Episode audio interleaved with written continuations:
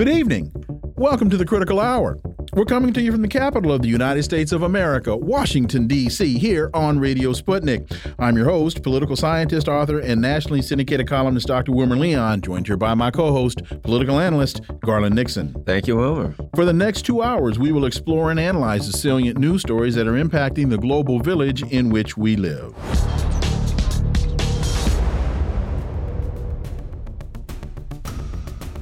Sputnik International reports What is Russia Africa Summit 2023? The second Russia Africa Summit is due to be held in St. Petersburg tomorrow, July 27th, and Friday, July 28th. What issues will be in the spotlight, and what message does the event send to the global south? For insight, let's turn to our first guest. He's an author and two time Pulitzer Prize finalist and a Knight Fellowship recipient with more than 20 years of journalistic experience.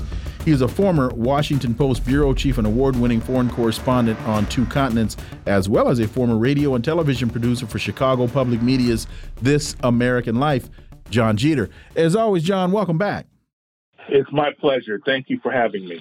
So, the Russia Africa Summit is intended as a continuation of a similar event in 2019 aimed at developing a global dialogue between the countries of the continent and Moscow. Jon, it would appear to me that this uh, this dialogue has developed and uh, that there's that there's a lot more going on here than the West wants to admit.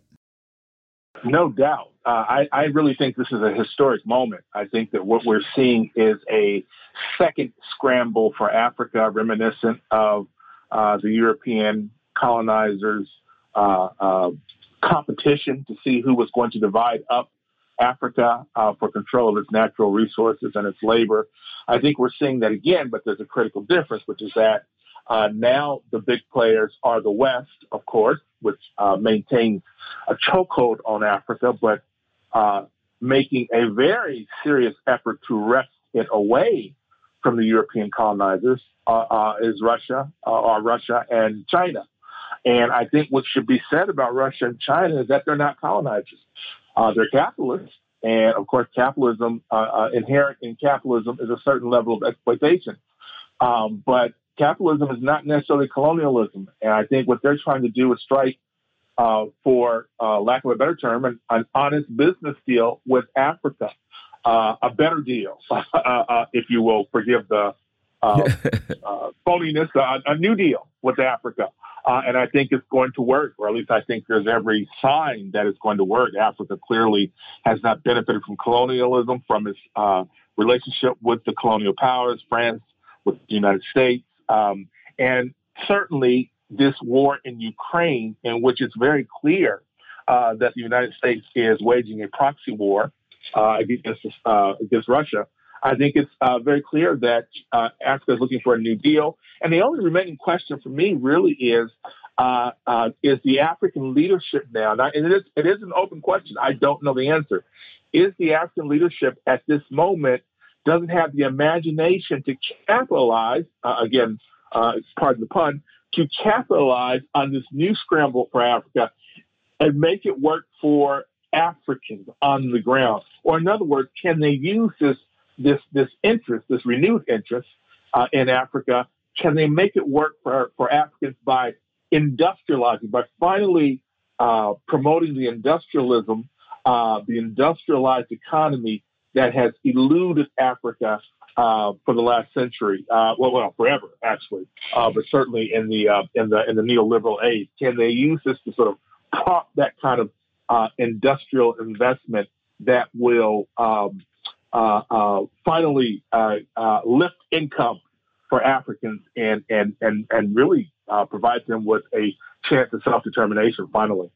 And I think, you know, you have uh, an article in Black Agenda Report, the Soviet Union's support for black liberation earns Russia grace with Africans everywhere. And I think that that is linked to this uh, Africa summit in that the you know the U.S. is uh, Tony Blinken et al. has been running around Africa saying, "Hey, you got to be friends with us. Of course, if you don't, we'll punish you." And uh, they're looking at their history. You know, the Africans see this through a historical context. So Um, the winner of the Africa race, shall we say, I think will be determined by history. So, your article, The Soviet Union's Support for Black Liberation Earns Russia Grace with Africans Everywhere, that can be found at blackagendareport.com. How do these things connect? Jon Jeter. Yeah, no, I think that's exactly right. I think there's a sort of a cultural memory uh, uh, that Africans have, that even that African Americans have. We don't talk about the Soviet Union much in our daily discourse, and even privately, we probably don't talk much about communism's role in the in the in the liberation movement here in the United States. Uh, um, uh, that dates back to uh, Franklin D. Roosevelt um, and the Great Depression. But I think we still have this sort of memory, sort of understanding of the of the Soviet Union and, and, hence the Russians as being, if not necessarily the perfect ally, we certainly, I think we understand them as not being, and, and, they don't obstruct our, our, our, uh, our ambition for self-determination, which is, of course, how we understand the West.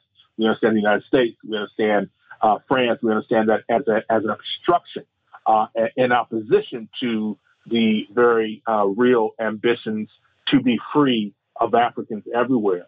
Um, and, I, and I think that that is what is going to ultimately be the final nail in the coffin for the United States and for the West uh, in a broader sense as uh, to the, the, the global governing power. I think we're seeing that shift.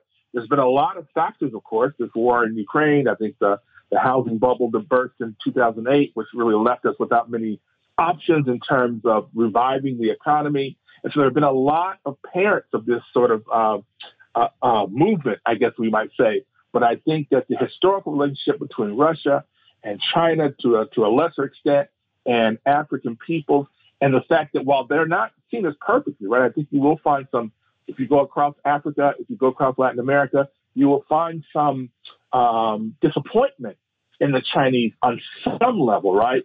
But it's not the same as what you will find for the United States in terms of this sort of real contempt, this loathing, this deep resentment, almost generational resentment of the United States, of the colonial powers, Spain, uh, France, um, the UK. Uh, and so, yes, I think there's a real opportunity here. And I think that, you know, Putin, whatever flaws you want to assign to him, he's a man who understands history. Uh, he's a man who understands narrative.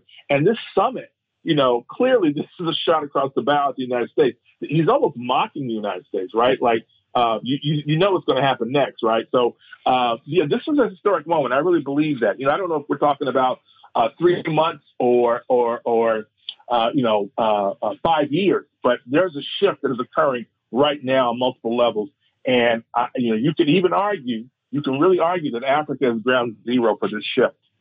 And, you know, for those listening to this conversation that are scratching their heads and they're saying, what in the world is Jon Jeter talking about? That happens a lot. well, only because they need to be better educated you have, for example, the uh, the malign Russia's activities in Africa Act that the United States just just just flowed right through Congress, and uh, you've got people like Gregory Meeks that were championing this bill that would oblige Washington to punish African governments for doing business with Russia. Uh, you've got the Fort Benning the U.S. Uh, military school, the School of the Americas at Fort Benning, where the United States trained a lot of uh, leaders from the global South to oppress their own people. And then the United States sends AFRICOM onto the continent and does what? Trains African leaders to oppress their own people. Right. China's not doing that. That's Russia's right. not doing that. And I challenge anybody listening to this to provide me evidence to the contrary. China's going in and forgiving debt. Russia's going in and forgiving debt. The United States is trying to way try, trying to find ways so that the World Bank and the IMF can can get its talons deeper into the resources in these countries. That's exactly right, and, and, and I would add to that, or maybe maybe elaborate a little bit. AFRICOM, right? AFRICOM, you know, the, the United States, for all of its uh, dirty dealings in the business world in Africa, they didn't really have much of a military footprint until after uh, 9-11. And since then, they've extended, I think, to almost 40 countries. Uh, Obama, really under Obama, who really expanded uh, AFRICOM's footprint, military installations. Uh, um, Donald Trump, to be honest, drew back just a little bit, downsized a little bit. And of course, it's gone back up with with uh, Joe Biden.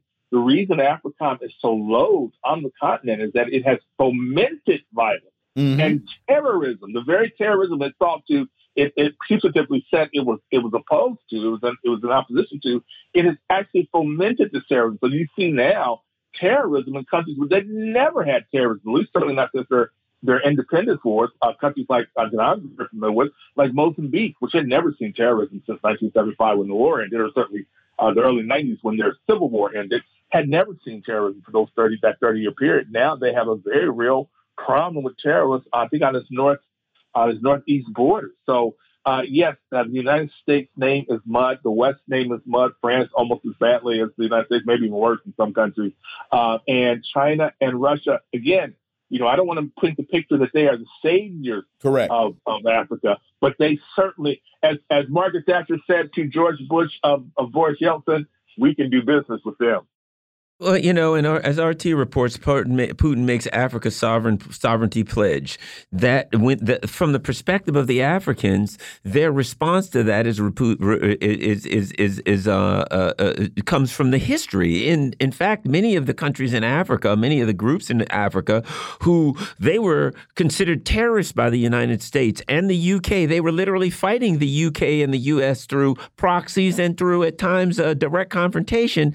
And some of these countries, many of them, if it weren't for the Soviet Union, they wouldn't have been liberated, such as it is today. And so when Russia says we'll protect their sovereignty, they say, well, we wouldn't have an opportunity for sovereignty if it wasn't for the Soviet Union. So these words are more than just words. In fact, the point the, I, I forgot to end the point I wanted to make, which was what you just said. When I talked about uh, the School of the Americas at Fort Benning, and the school at Leaven, uh, Leavenworth, Kansas, which is where Kagame went to went to went to learn uh, U.S. Army Command School. His yeah. his evil. Russia had a similar school that they brought African militants into and trained them, but they trained them to fight imperialism and support their own countries instead of backing imperialists and terrorizing their own people. That was the point I wanted to make. I forgot to make. I forgot to make the last point. Go ahead. That, that's that's exactly right. And what you see, particularly in South Africa, country that I lived in for four years, you see that uh, a a, a, uh, a critical mass of the African National Congress, Nelson Mandela's party, uh, you know, now the political ruling party of, uh, of South Africa, you see a critical mass, including the former President Thabo Mbeki, uh, who trained in Russia uh, during the anti-apartheid movement to fight imperialism. So those memories are are not, you know, they're not they're not dead. They're still very much alive in the South African people. Uh, and, and and then again, you know, uh, there's Russia's Soviet Union support for Cuba. Uh, again, that's, you know, because the Africans were very close to Cuba, very close to the Cuban uh, political struggle, independence struggle. And so these things are very much alive, certainly in the minds of Africans. And I would argue to a lesser extent, but they're still there. I think we still understand um, in, a, in, a, in a, maybe in a, in a, in a kind of a, uh, uh, uh, ephemeral way, right? Mm-hmm. Uh, that that that um, uh, uh, the Soviet Union was more, much more of an ally than the United States, which was the enemy, right? Which was right. the enemy, which, right. which was the oppressor. We've never seen Russia or the Soviet Union, Vladimir Putin. You know, Vladimir Putin did not author the omnibus crime bill. He just did, uh, and they can't they can't make it that he did. Jon Jeter, as always, thank you so much for your time. Greatly, greatly appreciate that analysis, and we look forward to having you back. Thank you. Folks, you're listening to the Critical Hour on Radio Sputnik. I'm Wilmer Leon. I'm joined here by my co host, Garland Nixon. There's more on the other side. Stay tuned.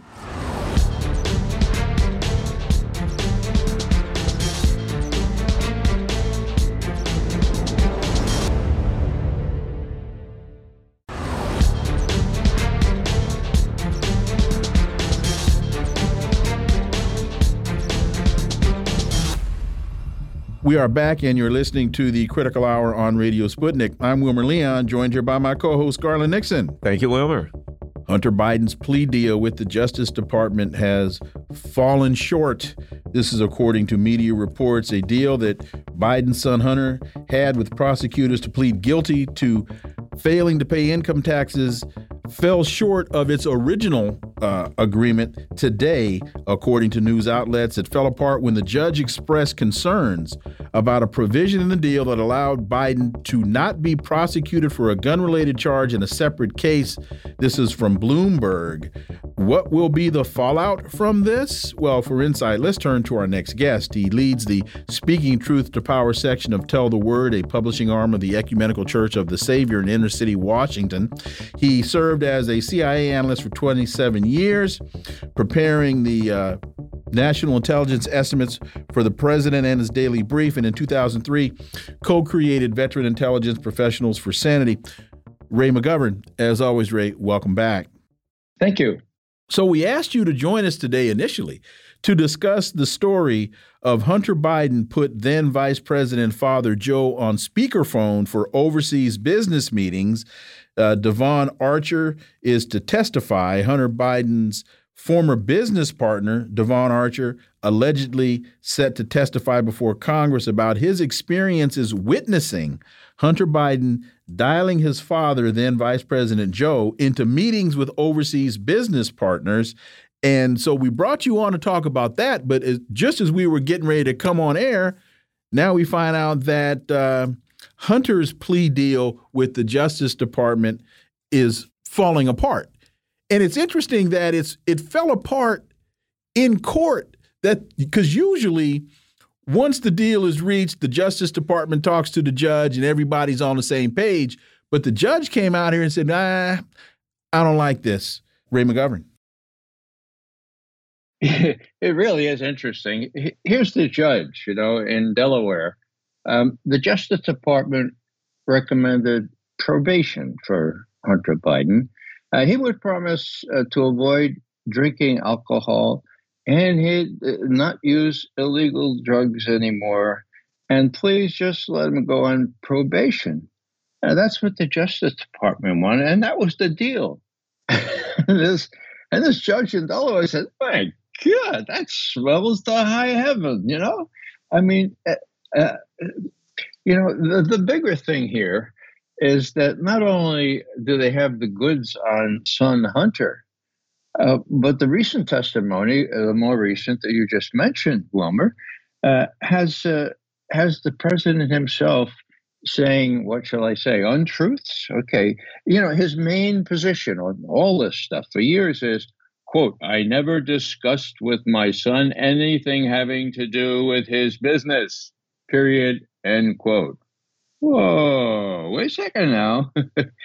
the son's business partner, uh, Devon Archer, who himself wants wants to do a little plea deal to to not get so much jail time. He's already been convicted. Okay, so Devon Archer, who will actually testify on Monday, has said, "Well, you know, it's um, uh, it's not really that's not really clear." And guess what? The White House is saying now instead of I never discussed with my son anything having to do with his business. The White House is saying the president has always said that he has never been in business with his son. See the difference there? Okay. so you've got you've got Devon Archer, who's got a vested interest in telling the truth this time for once in his life, okay?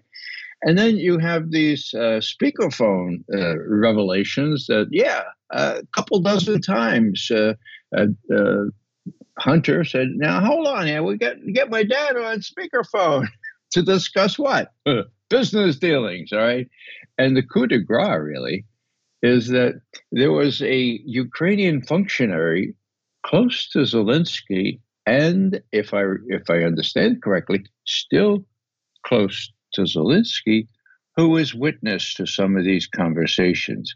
Wow, you, you don't have to be an intelligence analyst to say, my God, that's blackmail material.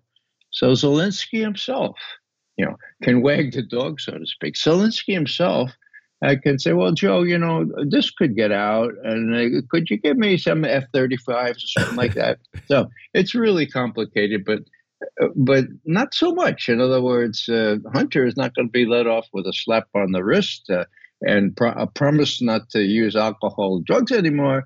Uh, he's going to be held to account. And once again, you have the the judiciary coming through here with a sensible resolution to this, whereas the Justice Department under Biden has really, uh, you know, kicked the ball down the road. You know, uh, Ray, let me ask you this. Um, this is there's a lot of stuff here. The FBI had this stuff for a couple years now. Um, a lot of these things were very well known throughout the alternative news uh, community. They're just being, you know, um, revealed to to everyone else, and the actual evidence is coming out. I kind of get, and I'm going to throw this out to you. I kind of get the feeling maybe they want to either get rid of Joe Biden or force him to do something crazy that could cost us all. I'm not going to eh, say what, but eh, what do you think about those two possibilities? Well, I think, as usual, you're you're right on the mark. I think we'll know more on Monday. Uh, that's when this comes to a head again.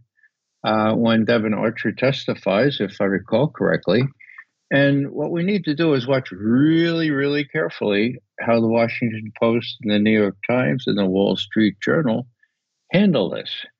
If they have any sense at all, and if, as has been the case for a decade now, they are strongly in the Democratic Party camp, then they probably see the writing on the wall. Joe Biden's not going to win this next election. He's just not going to do it. Okay, so you want Trump? Well, let's ease Joe out of this here. Okay. Let's see who else. Maybe Hillary will run again. My God, you know, they don't have anybody else except Robert Kennedy. And how long can they silence him? This is all really more interesting than I thought it would be at the end of July this year. In situations like this, when judges are involved, I always look at who nominated the judge to the bench. And Mary Ellen Noreika, the judge in question here, interestingly, it says here that she's a Democrat that was nominated to the bench by none other than Donald Trump. And it's all and, and she's in Delaware, in the District of Delaware, Joe Biden's home. And she also presided over the case involving uh, John Isaac, the uh, laptop Hunter Biden's laptop repairman when he sued CNN Politico uh, for defamation, and she ruled against him.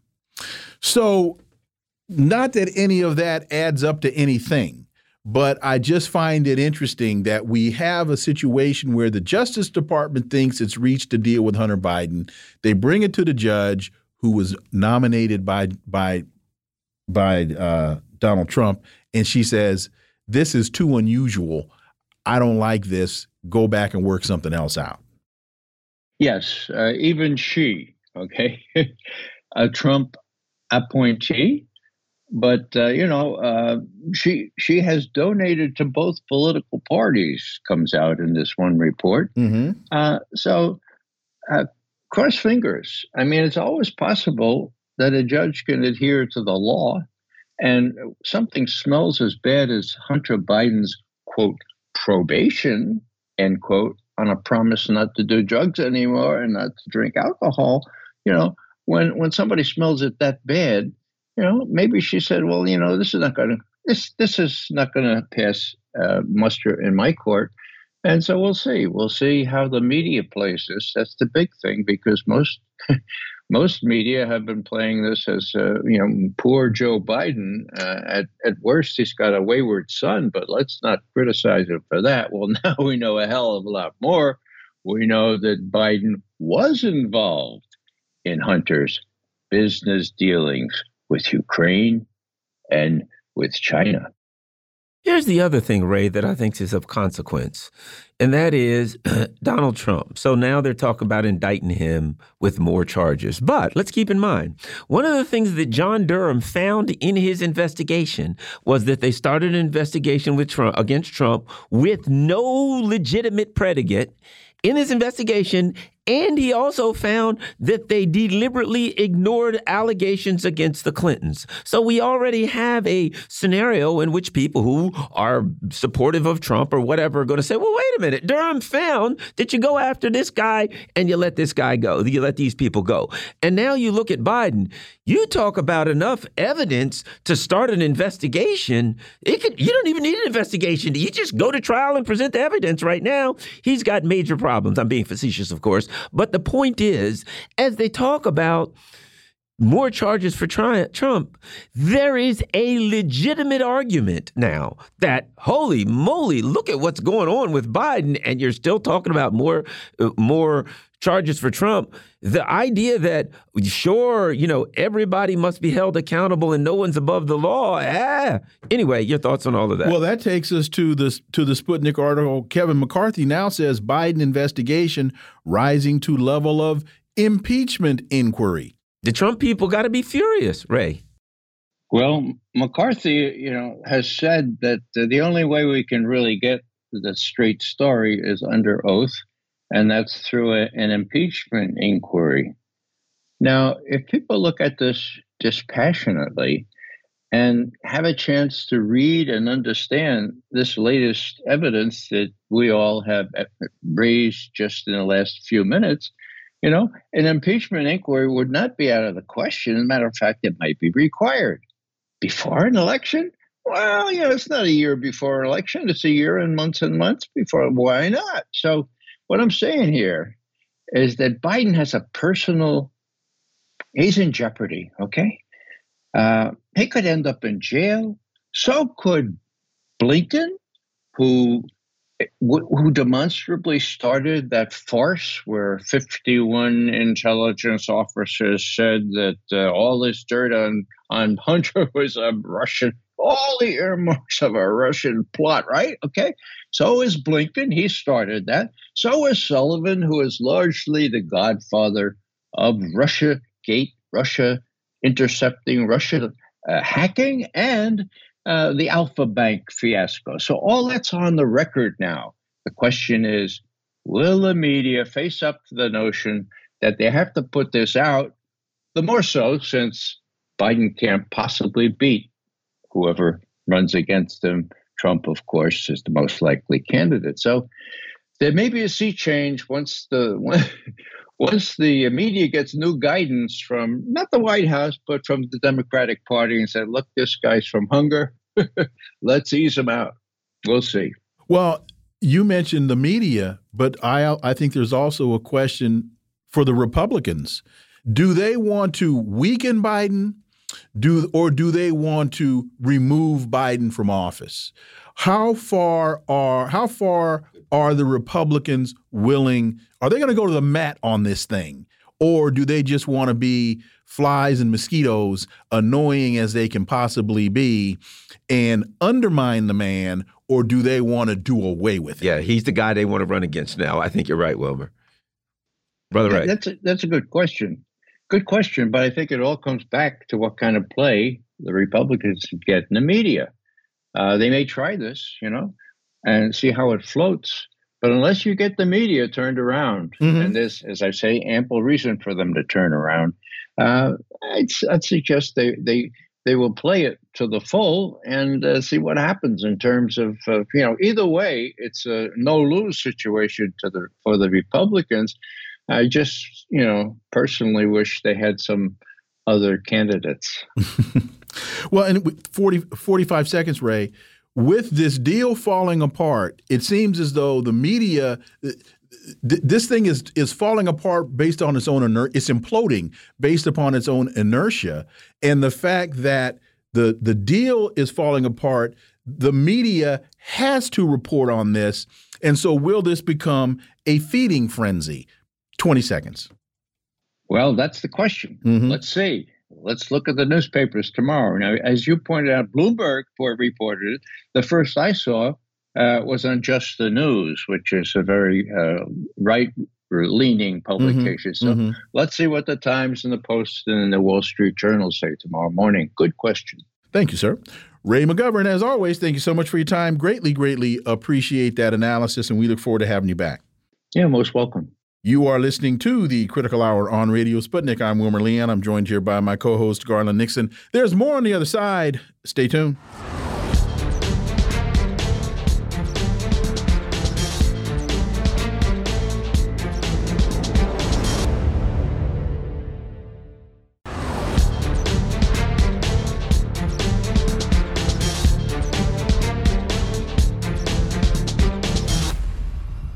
We are back, and you're listening to the Critical Hour on Radio Sputnik. I'm Wilmer Leon, joined here by my co host, Garland Nixon. Thank you, Wilmer. Responsible Statecraft has a piece entitled Uber Russia Hawk Victoria Nuland Rises to Acting Deputy Secretary of State. She's done as much as anyone to sour U.S. Russia ties. Now she's one of Washington's top diplomats.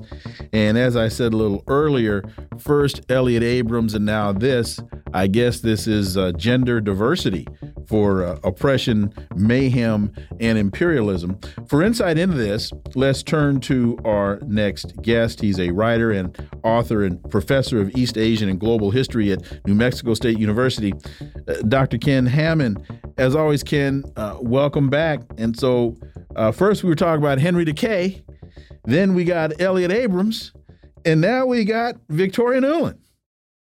Well, we're sure on a roll with uh, with, with a lot of stellar figures. You know, I feel like um, you know the Biden administration is doing everything it can to to make it as clear as possible what their their basic orientation in foreign policy is, which is let's go back to the glory days of the Cold War. You know, uh, lining up uh, people whose worldview.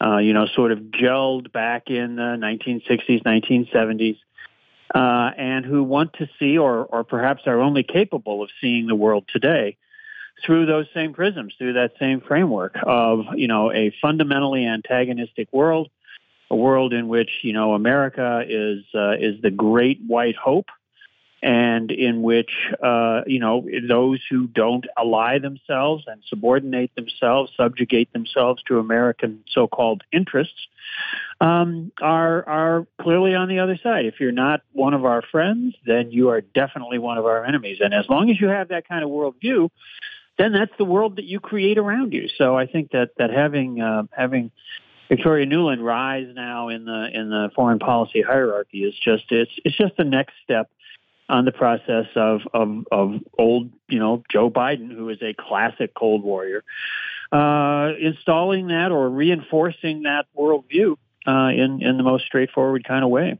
It also seems it's a pushback of those for calling uh, uh, who are calling for moderation, and I find it interesting in the context of the um, of politics. The U.S. is, I mean, you know, the Biden administration is will soon be, you know, gearing up for the 2024 election, but it appears that the Biden administration is going all in for foreign policy and continuing to ignore the many problems that we're having here in the U.S. And that doesn't bode well for any party because people vote on, you know how much it costs for a pack of chicken wings, kid. Well, absolutely. I think you know, uh, you know, one thing that that is important to bear in mind for this uh, is is thinking back to the first Cold War and the way in which anti-communist hysteria, anti-Soviet hysteria, the Red Scare, the Yellow Peril, all these things were used exactly in this same way in order to suppress domestic uh, political concerns in order to try. You know, they say that uh, what do they say? Partisanship ends at the at the the at you know at the the, at the water's edge or something. At the water's edge. Thank you. Uh, which is hardly really the case at all. But you know, it's it's it's also that patriotism is the last refuge of the scoundrel. So you know the this idea that uh, that we're going to we're going to create a world or foster this idea of a world in which you know, uh, well, all that really matters is America's power and America's strength and the ability of America to to be great or be great again or whatever. Uh, you know, is dependent upon our, our global posture, and and we have to hang on to the wonderful world that we've created, and not allow these nefarious forces like Russia and China, oh, India, Brazil, South Africa, the list goes on and on. You know, to to to disrupt that or to somehow uh, decenter that. That uh, American power, American glory. This is what we're all for. And uh, and if you're not for it, then uh, then you know you you've got to be you've got to be demonized and taken out. You know, this just this just came to mind, so I could be off a little bit on this, but thinking about the Victoria Nuland and, and thinking about Elliott Abrams and the fact that Joe Biden, the Democrat, is bringing these warmongers and these war criminals into into his administration and we have this stereotype of the Democrats being the doves and the Republicans being the hawks. Well, if we go back, John Kennedy was was running on a peace platform. He was assassinated. Robert Kennedy was running on a peace platform. He was assassinated.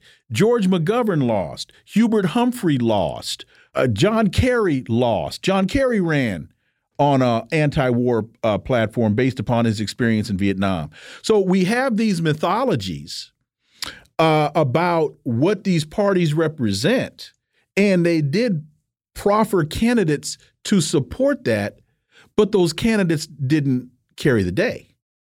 Well, Joe Biden was around for uh, some of that, and uh, and you know his his career, his political career goes back into the 70s, and he was certainly able to observe the ways in which, you know, the rise of neoliberalism and the whole shifting of the the sort of center of gravity of of mainstream, you know, uh, uh, uh American politics just was pushed further and further to the right by by Reagan and the first Bush administration to the point where where Bill Clinton who was a you know pretty much an arch conservative, uh, was able to position himself as a, as a, a kind of middle of the road Democrat, and it's only gotten more and more skewed since then. So that you know when we look back, it's I often I often talk about this with with friends and, and comrades and stuff.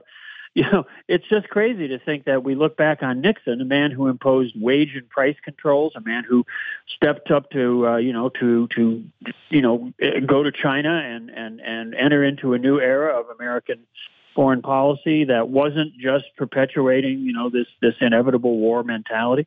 You know, when Richard Nixon starts to look good, you know you're in trouble. uh, you know, so I just I just shake my head at it. But yes, I think that that you know, Biden is trying to shore up his political position. Uh, uh, you know, in the in the the, the, the race of uh, of old white men for presidency, uh, it's just you know he's trying to position himself as a centrist, uh, which is always, I think, uh, uh, kind of a mistake. But that's that's what he's doing, and. Um, yeah, and so calling on these kinds of figures, uh, reaching out, you know, across the aisle or whatever you want to call it, uh, it's a, it's a, you know, I don't even think it's a cynical strategy. I think he really is just such a fundamental Cold Warrior that that's the mentality that uh, that he is naturally comfortable with.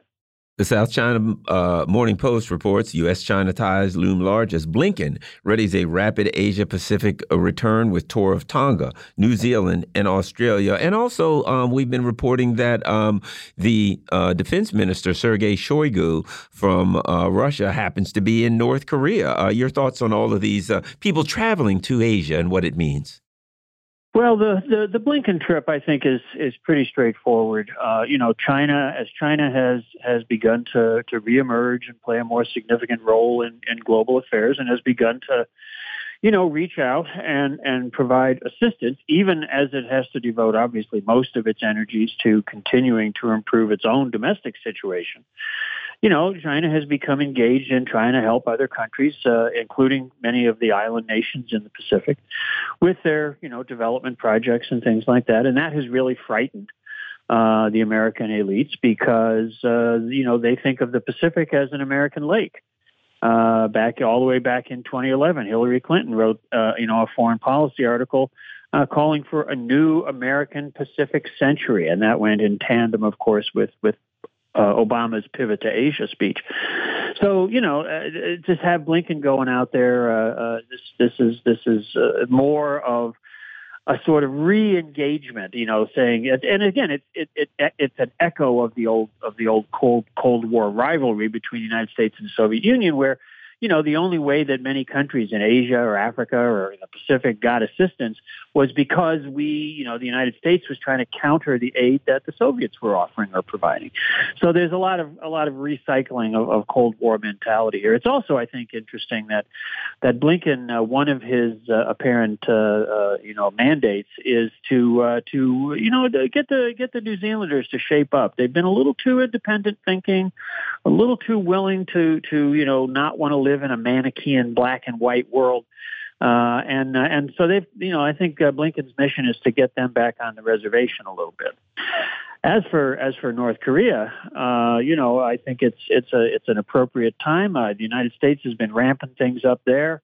Uh, there, there of course is this reactionary government in the south, and now sending the American nuclear-armed uh, submarine there. These are provocative actions, and I think this is an instance where the Russians are, are just reaching out to say, "Listen, you know, don't worry, you're not you're not entirely alone on this," and uh, and and and you know, sending sending a bit of a of a diplomatic message there as well. We have just about two minutes left. China's foreign minister replaced after unexplained absence. We talked about this yesterday, but we really wanted to get your take on this. Qin Gang is removed, and this just reminds me of. Uh, of the line from from from The Godfather when when Michael had to tell Tom Hagen, "You're no longer consigliere. I need a wartime consigliere, Tom, and you're not my guy." Your thoughts, Ken Hammond? What what happened? Well, you know, I, I wish I knew uh, all the all the ins and outs of it. I was reading um, today in the People's Daily uh, you know, their report, which is is very basic and and you know, it, it sort of presents this uh, in a very down to earth way, a lot different than uh, than the hysteria that is uh, sort of gleefully being spread in in Western bourgeois media. Um, you know, Qin Gang, uh, uh, there has been some talk of him having some health issues. Uh, he, you know, he rose from being the Chinese ambassador to the United States to being uh, the foreign minister uh, in in uh, kind of an interesting way. You know, a little bit uh, uh, a little bit of an accelerated rise. Um, so I don't know whether whether it, this is just a health related issue. It's very important to recognize that although he has uh, been set aside as as foreign minister, and Wang Yi, who is in charge of for overall foreign affairs for the Politburo, has stepped back in. He was the foreign minister before before Gang. Um, but also that Qin Gang is still a state councilor, and and he is still uh, you know on the you know uh, as they say on the website of the state council. He's still obviously engaged uh, at that level. I think perhaps this is uh, maybe trying to lower his level of personal uh, stress or his personal workload. Um, the commentators that I've been reading, uh, both uh, coming out of China and, and some here in the West, I think the more sober view is not to get overly excited the way mm-hmm. the Wall Street Journal and the New York Times are that this is some sort of political purge or hatchet job. And, and again, they love to invoke that sort of Cold War right. purge mentality. But I think I think we just need to to sort of let the situation with Qin Gang uh, play itself out. You know, we'll see uh, we'll see what happens with him going down the road.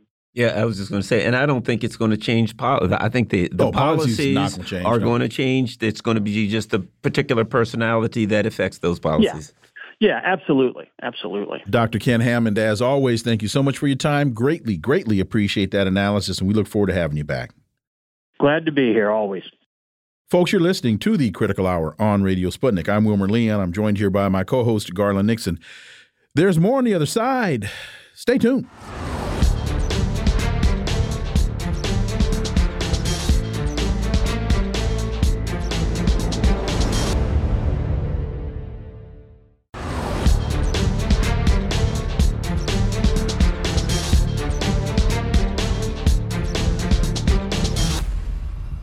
We are back, and you're listening to the Critical Hour on Radio Sputnik. I'm Wilmer Leon, joined here by my co host, Garland Nixon. Thank you, Wilmer. Responsible Statecraft has a piece entitled Uber Russia Hawk Victoria Nuland Rises to Acting Deputy Secretary of State. She's done as much as anyone to sour U.S. Russia ties. Now she's one of Washington's top diplomats. Well, folks, first Elliott Abrams, now this. I guess this is gender diversity in oppression, imperialism, and mayhem. For insight, let's turn to our next guest. He's a Moscow based international relations and security analyst, Mark Sleboda. As always, Mark, welcome back. Dr. Leon Garland, thanks for having me. It's always an honor and a pleasure to be on the critical hour. So, responsible statecraft continues in a little remarked move. The Biden administration announced Monday that Nuland will take over as the acting second in command at the State Department. She replaces Wendy Sherman, who plans to retire at the end of this week. Nuland's appointment will be a boon for Russia hawks who want to turn up the heat on the Kremlin, but for those who favor a negotiated end to the conflict in Ukraine, a promotion for the notoriously undiplomatic diplomat will be a bitter pill. Mark Sleboda. I'm sorry. Who did you say is the new acting uh, uh, sec uh, deputy secretary of state? I said it was Victoria Nuland replacing Wendy oh, Sherman. Sherman. See, Victoria Nuland, See, I got that completely wrong. See, I, I have here in my notes that Wendy Sherman is being replaced by the fourth horseman of the apocalypse, known as before. That's that's that, that did I get that? Oh no, no, actually. Oh, yeah. Here, d- dictionary definition of Victoria Nuland, also known as the fourth horseman of the apocalypse. There you, there go. you go. AKA. And Wendy Sherman is the third horseman. Right. so yeah, um, I think the the key line um, you know, uh, in this, uh, you know, very good piece, very timely. You know, I I've noticed this already a few weeks ago, and it's just like oh, you know, like if there's one thing that we don't need now, considering how far we are down on the escalation cycle, is for, for Victoria Nuland to have more power, more hand than she already does in in driving the anti-Russian uh, uh, policy uh, in the, the Biden administration. It says uh, Nuland, along with State Department sanctions czar Daniel Fried, then led the effort to punish Putin through sanctions. Another official at state reportedly asked Fried if the Russians realize that the two hardest line people in the entire U.S. government are now in a position to go after them. And and to answer that question, I would say Yes. Yes, they do, because Russia evidently, uh, at least according to uh, reports that are being discussed all over uh, the uh, the Russian Telegram channels and media, uh, is considering mobilizing another 500,000 troops. You know, the interesting thing is when you look at Biden and he plays this, oh, the Republicans are evil, the Republicans are terrible, the Republicans, the Republicans, Republicans. Um, Victoria Nuland was Dick Cheney's assistant. And we report, we were just finished reporting as if it, this wasn't horrible enough that he um, uh, uh, put Elliot Abrams, the murderous genocidal ghoul, on uh, this board. He brought him into his administration. So when you look at Biden and you see Elliot Abrams and Nuland being promoted and, or brought in, you realize, you know, the guy's all the fraud. He is the worst kind of neocon that imaginable. And you see why we get the policies that we get, um, Mark. I'm see. I'm I'm sorry. I got to interrupt you there, Garland. You are obviously stuck in cis political thinking. You you are stuck in this idea that there are two parties, a right and a less right, right? the, the, a far right, hawkish and ultra hawkish. The Democrats, but the neocons they are like the the non-binary right? Uh, a foreign policy establishment of washington. Whether you're a democrat reb you're a republican the neocons are there to guide your foreign policy I mean, that was the amazing lessons learned. The rest of us, you know, all you know, we learned the, the lesson from the Iraq War that the the uh, you know neocons are all insane and they led us into this and uh, decades long wars uh, in the Middle East. But that's not what happened in Washington in Washington, that that big, you know, uh, uh, oh, we got it wrong, a weapons of mass destruction. That wasn't a failure for them. That was their herald call to take over U.S. foreign policy on both sides of the aisle entirely, and they've ruled there ever since. And Biden and Obama's continual appointment of neocons like this right? Supposedly, you know, despite, you know, at least Obama supposedly initially the idea that he came from, you know, the left side of of the less right party in mm-hmm. Washington. Um, you know, it, it, it just goes to prove it. I mean, the, the neocons rule the roost, right? You know, you, you flip over a neocon coin, and the other side is the humanitarian imperialists of the Democratic Party. But now we find out they're the exact same people. Responsible Statecraft asks the question or why Ukraine's counteroffensive is failing. Diplomacy is more important than ever as Kiev simply doesn't have the human resources or physical infrastructure to achieve its goals. And Mark, the frightening thing, one of the things of this article is the photograph that's at the header, which is a member of the Ukrainian Volunteer Corps holds military training for teenagers. These are kids that they're now training uh, to be child soldiers. And I seem to recall uh, we we just kept hearing how atrocious it was for African countries to be having child soldiers involved in in their conflicts. Mark Sleboda. I mean, did you think to the last Ukrainian excluded the children and the elderly? No, I mean, no. I mean, wait, wait. no. Yeah, in fact, put them out of wheelchairs well, soon. and there's a and there's a subsequent article that that they're they're training dogs as well. Uh, Parrots, yeah. pets, not cats, not cats. no, not cats. Cats won't fight. They're too smart to walk on the mines. They're going to minefield. As a dog person, I take offense. To that. You're probably right. You're probably right.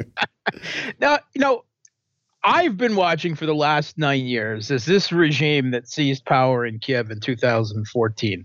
Since then, they have been bringing Azov and Carpathian Sich and the right sector into the schools to teach children right? To teach children to hate Russians, which are 20% of their own population, but also to use weapons and and of their ideology and popular Banderite songs. I've seen the videos. They're still out there on YouTube of these people regularly being brought in. And now it's just more shall we say, out in the open, uh, or or at least the Western mainstream media is starting to notice that that that children are being trained for this. Uh, it's been happening for nine years. It's really nothing new.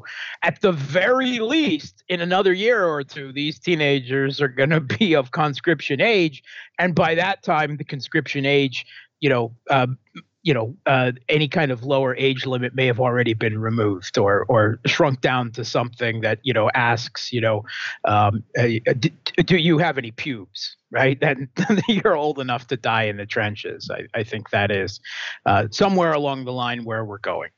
Yeah, because you know what we're looking at in this picture, and uh, responsible statecraft, uh, which, and for those of you who go to responsible statecraft, why Ukraine's counteroffensive is failing, and they show a bunch of kids being trained with guns. Here's what we're looking at, Mark. The last Ukrainian. When Lindsey Graham said they'll fight to the last Ukrainian, when you see kids that aren't even ready to go on the battlefield, well, let's face it, not the battlefield, to go run into a minefield they're prepping them to die. And this is the true uh, horror of this is that a the true evil is that the United States and, and the neocons have gone to a country and said, let's prep all your people to, to, to die. And they have to lie to them to even tell them why they're going to die, Mark. Well, and then the West and then the West narrative is going to be Russia's killing children. Yeah, oh, they're fighting for their freedom or something what, what, once again, Garland, I'm sorry, I got to interrupt you there. You are just some kind of political dinosaur. The age discrimination coming out of you, you don't realize how liberal the the Banderite Kiev regime is. If you had seen, I mean, if you've been paying attention to the the, the recent videos, well, it's really for months now of the POWs of of uh, the you know Kiev regime forces surrendering to Russian forces, you know, which you know it happens in, in tens and 20s a day. Um, uh, a lot of them are much older right? They're not 20 year old men. They're 40s and 50s and and even some older than that. So this is just the other the other end of that spectrum. And it really is just a reflection of the lack of age discrimination of this Kiev regime that they're willing to. And when you're talking really young kids and and really elderly people, and they're they're, sending out mobilization no, but notices, uh, conscription notices to the disabled as well. There's a real advantage in this because these don't fight back when they are press ganged off the street and thrown into the vans. They don't have to be dragged and knocked unconscious. They can just be picked up and shoved in the vans. Russian defense chief holds talks with North Korean peer in Pyongyang. This is from the TASS news agency, uh, Sergei Shoigu, expressed his intention to consistently develop bilateral relations between Russia and North Korea in all fields. Mark, your thoughts on this and what message, subtle or not so subtle, is being sent here uh, to the United States? Um, I think this isn't actually so much a message to uh, the United States, but to a country somewhat further to the south of North Korea. Um, I think this is a message to South Korea. Now, I mean, Russia has never had bad relations with North Korea. I think there was a period during the Medvedev presidency years where, in a, an attempt to, uh, you know, uh, appease the United States that Russia withdrew back from its relations with North Korea and Iran, which was probably a big mistake, uh, you know, to to ass- assuage the you know the the U.S. and attempt to you know uh, become once again part of the the, the Western uh, security architecture that that utterly failed. Um, but uh, you know, in recent years, Russia has been restoring relations to you know their previous uh, high degree level under the Soviet Union uh, with the North Korean uh, government. Um, and in, in, in, doing so, I think they've come to appreciate what the North Koreans have experienced uh, with the U.S. for the last couple of decades now. Uh, and with South Korea increasingly providing uh, not just um, uh, artillery shells, uh, but also uh, military vehicles uh, to the, you know the West, which are then subsequently uh, traded off with other vehicles being sent to um, uh, Ukraine.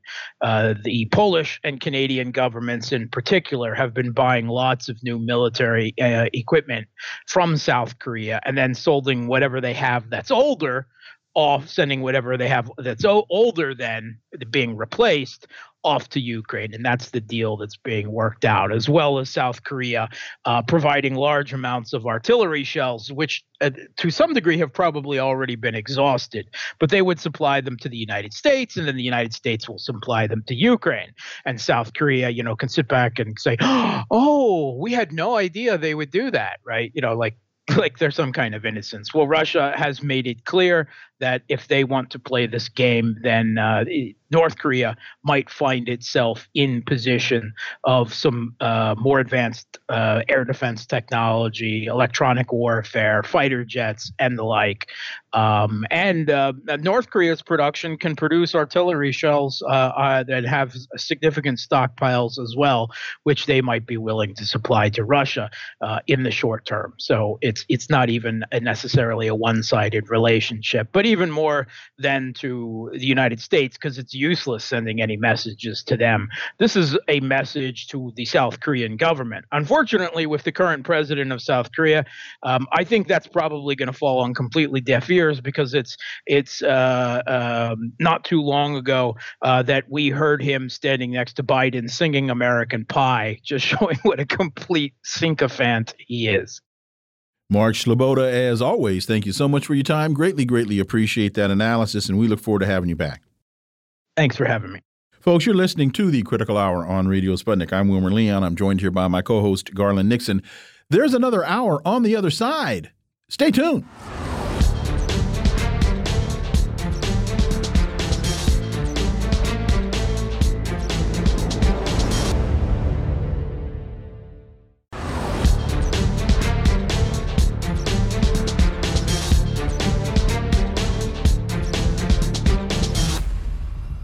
We are back, and you're listening to the Critical Hour on Radio Sputnik. I'm Wilmer Leon, joined here by my co host, Garland Nixon. Thank you, Wilmer.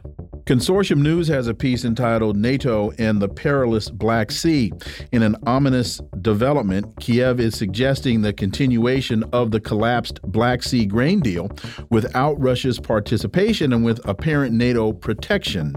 This is according to MK Bhadra Kumar.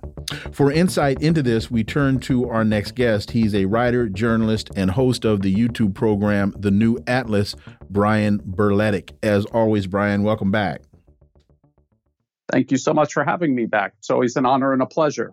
So, for a little context and background, on July 14th, General Milley, chair, chairman of the Joint Chiefs, said that Ukraine's counteroffensive is far from a failure, but the fight ahead will be long and bloody. Uh, Milley has a reputation for speaking what the White House wants to hear.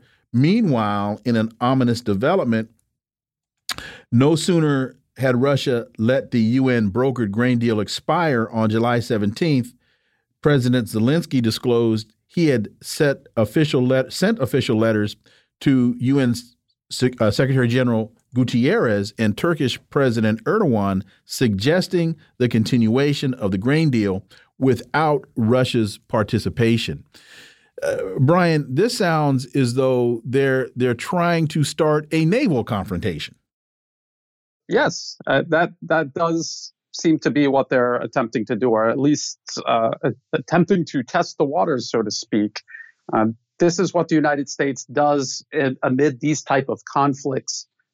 Uh, when they meet failure in one place, they try to push the boundaries elsewhere, and it will be up to Russia to create a significant deterrent in regards to the Black Sea to prevent this from actually happening, to prevent even the prospect of some sort of naval conf- confrontation between NATO and Russia. And uh, another thing to consider is that seeing how the United States, their Ukrainian proxies have seemingly failed in, in terms of air power, land power, maybe they're thinking uh, maybe they'll have more luck out at sea.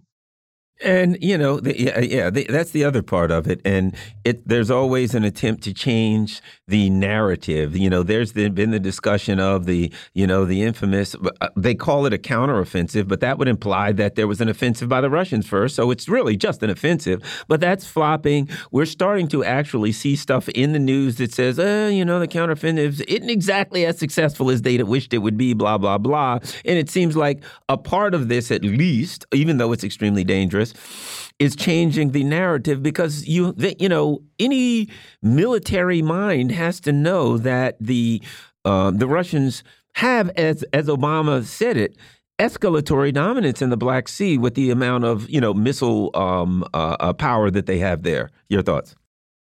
That that's true. And the, the one thing that I I worry about the U.S. and the rest of NATO uh, tr trying to provoke some sort of crisis in the Black Sea is that maybe they calculate that with naval vessels, it's it's very publicly visible when you sink another nation's naval vessel, even if strategically it changes nothing. Uh, we remember all of the hype around the Moskva uh, when when that sank, under whatever circumstances it sank. We can remember that, and I think considering all of the failure that NATO and their Ukrainian proxies face now, maybe they're looking at a scenario like this to try to regain the initiative. When you read in this piece, there's a in the NATO communique, they say the Black Sea region is of strategic importance for the alliance. This is further highlighted by Russia's war of aggression against Ukraine. We underline our continued support to allied regional efforts aimed at upholding security, safety, stability, and freedom of navigation in the Black Sea region. One of the things, when you look at a map, I think Turkey borders the, uh, the Black Sea.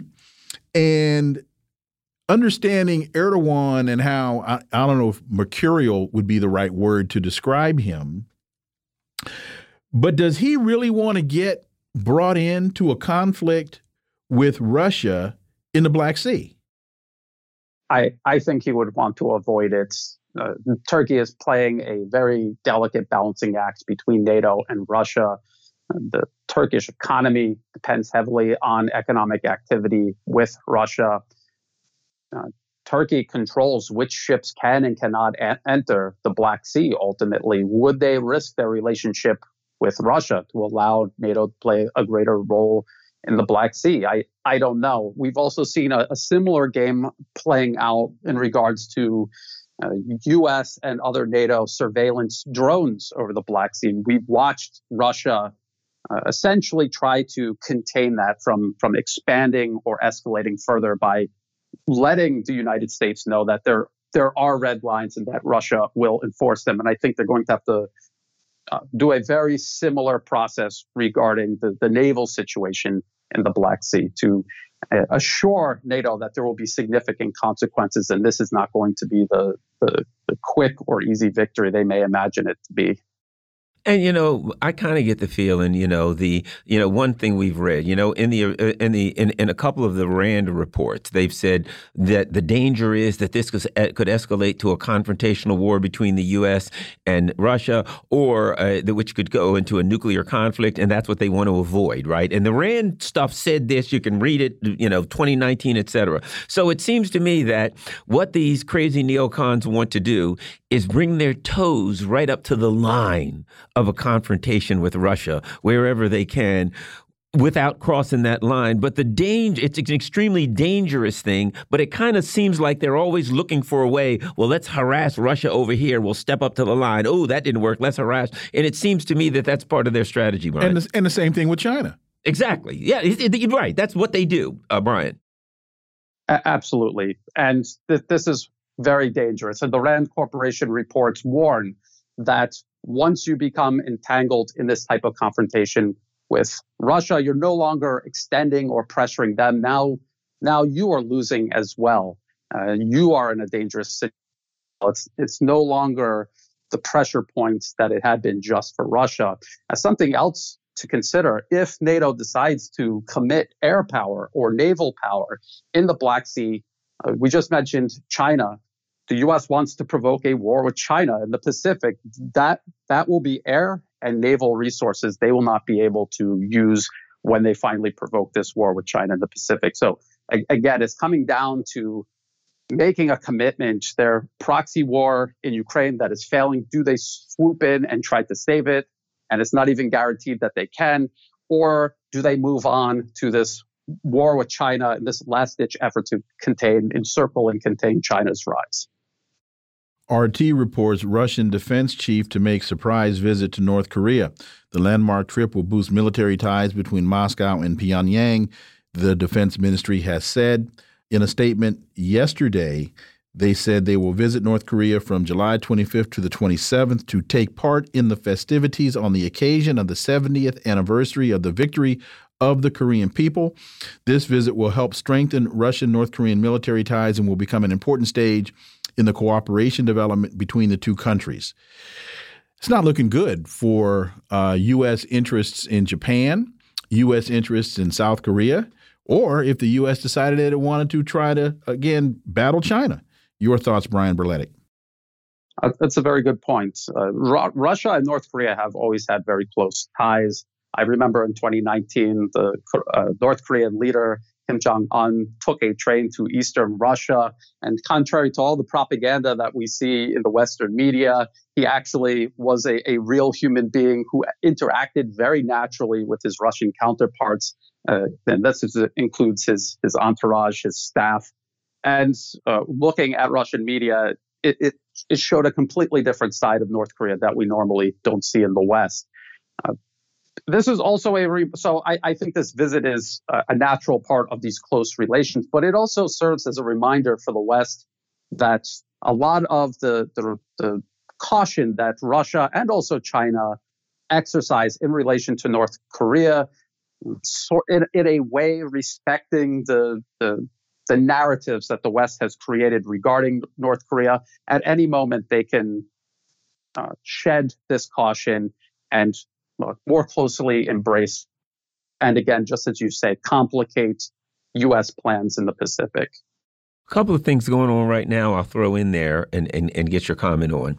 Um, Russia has a small, but um, but uh, you know, uh, uh, it has a small border with um, North Korea, so they are aligned. China has a border with North Korea. We know that. When the last time there was a Korean conflict, um, China did in fact intercede on behalf of North Korea. Um, the United States just uh, sent a nuclear sub that's uh, sitting in South Korea that is uh, angering the North Koreans. And one more thing to add. Um, China and Russia either are still doing it or just finished a um, some uh, naval uh, uh, exercises in the Sea of Japan. So I throw all that together. It seems to me part of this is also saying to the U.S., look, you know, if you want to start fights with Korea, North Korea, if you want to start fights with China, if you want to start fights with Russia in the Pacific, you have to be concerned that you might be fighting all three. I think that's kind of part of a message. Well, let me let me add two more things to that to that litany that you just yes. laid out.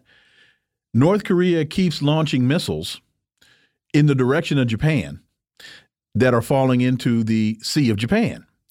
And it was reported last week, we talked about this, that now, uh, this was from the Pentagon, that North Korea has developed an ICBM that can reach the United States. So you add those two elements into the right. litany that you just articulated, and uh, it's a different ball game, Brian. Uh, that's all true. And people have to remember look at this from North Korea's perspective. The United States has tens of thousands of troops in the region, including in South Korea, right across the, the militarized zone. The U.S. has a track record of invading and occupying, destroying nations that were unable to defend themselves. And this is what drives North Korea to pursue nuclear weapons. It's also important for people to remember that North Korea really does not threaten U.S national security, thousands of miles away where the, the US actually exists on a map. Uh, the United States is using this as a pretext to maintain a massive military presence right on China's doorstep. And also, uh, as you pointed out, on Russia's eastern doorstep. So this really is uh, a very large proxy conflict unfolding, uh, not really a conflict, but a confrontation that could lead to a conflict. And I, I do believe that joint Chinese and Russian naval exercises, that that is a sign to the West that whatever they decide to do in the Pacific, they will not they will not do it without a cost. Two minutes left. Uh, there's a piece in Moon of Alabama. Who can give security guarantees to Ukraine? A main question for Ukraine since it became an independent state was who or what could potentially guarantee its security. Well, I know this: the United States can't. Because with friends like the U.S., who needs enemies? And we know what Russia has been trying to negotiate in the United States and the West have stood in the way of getting done. So, uh, Brian, who can give security guarantees to Ukraine? I think the, the article actually answered the question right, right. very well. It's it's Russia. Russia is the only country that uh, can guarantee security for Ukraine. And even though that seems counterintuitive, maybe to some people, we have to remember that this is a proxy war the U.S. Mm-hmm. is waging against Russia through Ukraine. They overthrew the elected government of Ukraine in 2014, and from that point onward, the country had lost its sovereignty. It was a it was politically captured by the U.S. Uh, Russia is not endangering Ukrainian freedom or sovereignty that was already stripped away by the U.S.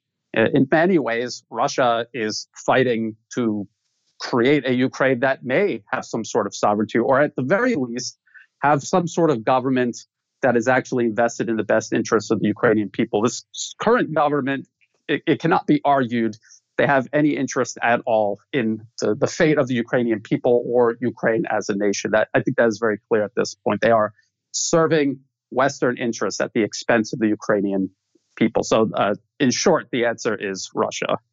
Brian Berletic, as always, thank you so much for your time. Greatly, greatly appreciate that analysis, and we look forward to having you back. Thank you. Folks, you're listening to the Critical Hour on Radio Sputnik. I'm Wilmer Leon. I'm joined here by my co host, Garland Nixon. There's more on the other side. Stay tuned.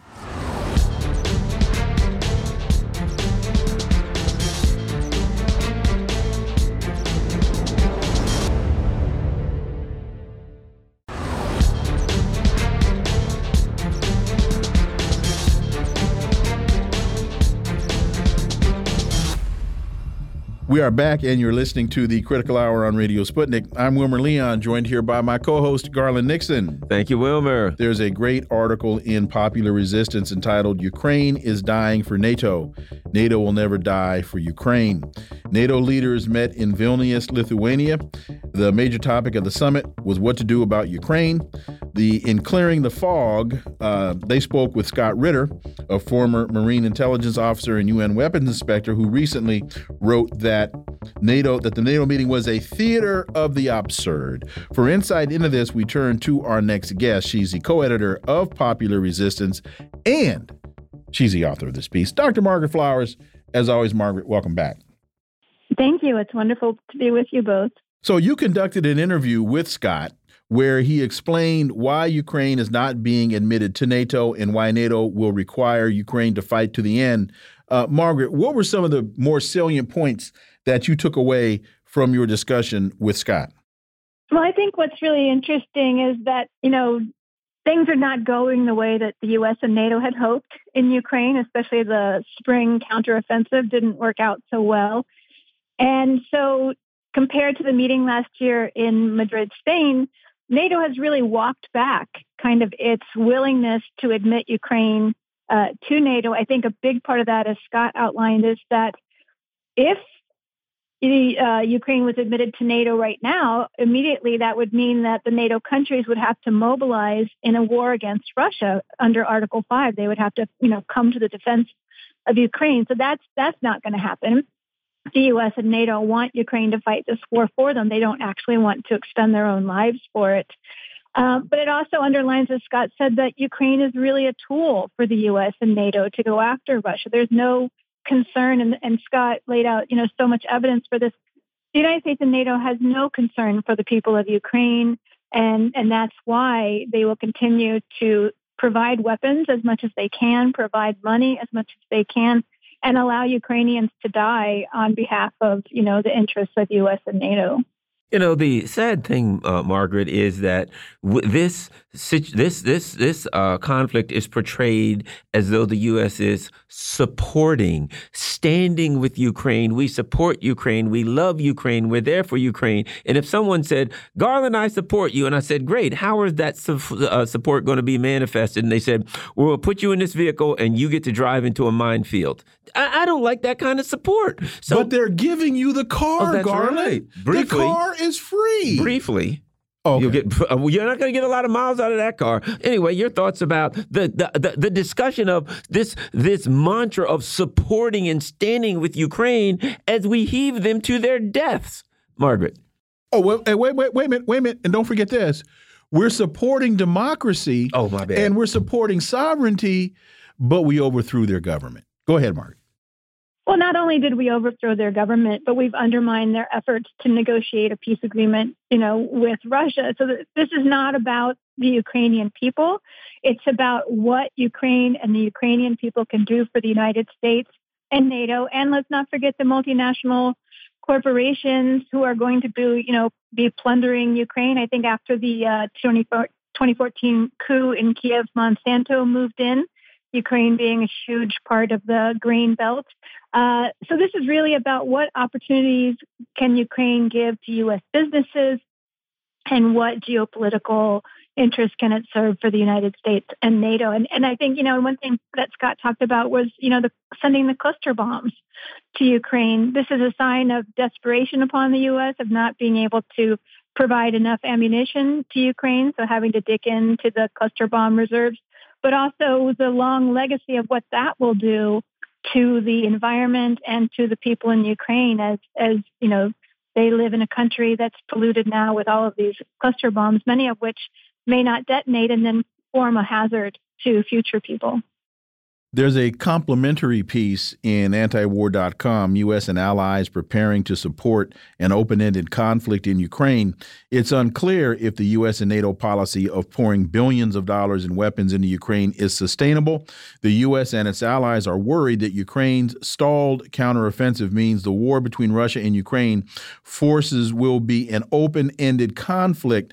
Margaret, the only thing I can say to this is, yeah, duh because before this thing started when when there was still discussion about this is about to happen we were on this show saying this isn't going to go well there's no way that Russia can carry the day here. There's, and Scott was part of that conversation. There's no way that the that the U.S. can carry the day here. It's just that they just do not have the manpower or the firepower to defeat Russia in a in a conventional war in which we're we find ourselves engaged in. And when you look at the history uh, called Afghanistan, then who would be surprised that this is going to be an open-ended uh, conflict, Margaret? Well, absolutely. I mean, we all knew that this was going to turn into a quagmire. I mean, uh, you know, using Ukraine to take on the Russian military uh, and thinking that that would be sufficient, even with NATO support, uh, was kind of ridiculous. And I think, you know, this is a big part of why Scott Ritter called it the theater of the absurd. absurd. They all know this. They all know they can't win this. Um, what they're trying to do now, and I, I'm trying to remember who it was. It might have been uh, M.K. Bhadrakumar in in uh, People's Dispatch that wrote that now part of it is, well, how much can we destroy Ukraine so that if, you know, Russia ultimately gets territory in Ukraine, we can make it as, you know, awful for them as possible and, and you know, more difficult to recover. He called it a scorched earth policy in Ukraine. So they all know that they can't win this, but they're just willing to continue to to delude themselves into thinking that they can cause division or weaken Russia through this conflict. Let me ask your opinion on, on this next question.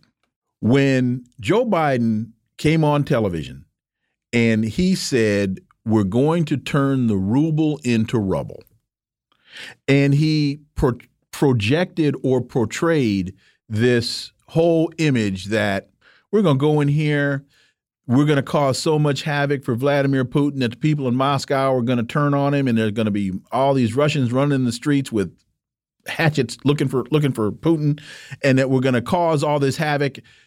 Do you think that he believed that, or do you think that that was just the narrative that he was presenting, knowing all all along that that was a lie? That's a good question. I think it's the narrative he wanted to believe, whether he actually believed it or not. Uh, you know, so often as you know, Hillary Clinton was revealed during her campaign. There's the public face and the private face, and uh, so I think publicly he wanted to go out there and try to convince the American public that was true. Uh, you know, the the people in Washington just seem to be really blinded to reality so often when it comes uh, comes to their foreign policy. Interesting article in Responsible Statecraft. Uber Russia hawk Victoria Nuland rises to acting deputy, deputy secretary of the state. Um, eh, eh, eh, here's what's interesting about that something that we talked about recently with you, and that is um, Elliott Abrams. Here you have this, they bring back this ghoul who, and we always hear, oh, that's Democrats and the Republicans are evil, blah, blah. Elliott Abrams, is a Republican. Uh, Victoria Nuland was um, um, uh, Dick Cheney's assistant. Um, she was prominent in both Republican and Democratic, uh, Democrat, whatever you want to call them, uh, party administrations. What are your thoughts on Victoria Nuland on the heels? On the heels of Elliott Abrams. Now Victoria Nuland, she gets a, a, a um, you know gets a gets a raise here. Your thoughts?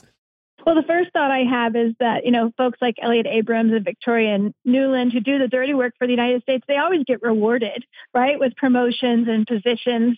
Um, but they're you know they're the ones that are willing to go and physically do or cover up what the U.S. is doing. You know, Victoria Nuland was sent to Ukraine in 2014, where she and the U.S. actively supported the, you know, quote unquote uprising there that overthrew the president, the U.S. backed coup there. Um, she's she's been responsible again, you know, for Libya, Syria, Iraq, Afghanistan, you know, throughout the world where the United States has brought devastation and destruction. Victoria Nuland has been a part of that. So, but particularly, you know, when it comes to Russia, she is on the record as being, uh, you know, hot, very hawkish, very anti-Russian. And so, what what message does this send to Moscow?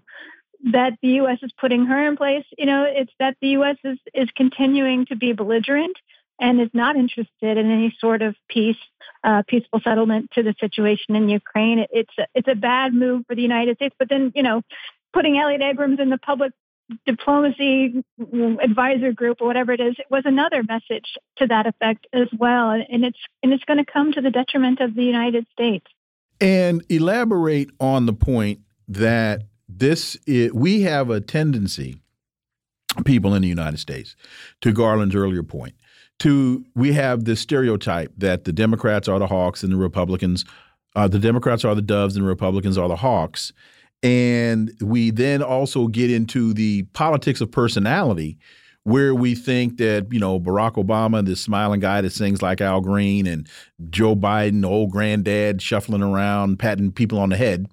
Uh, but this has nothing to do with personality. This is American foreign policy, as in Victoria Nuland worked for Darth Vader. I'm sorry, Dick Cheney, and uh, so and and they all are disciples of Brzezinski. And we know what Brzezinski's mission was. We know what Brzezinski's uh, uh, bigotry was as it relates to to Russians.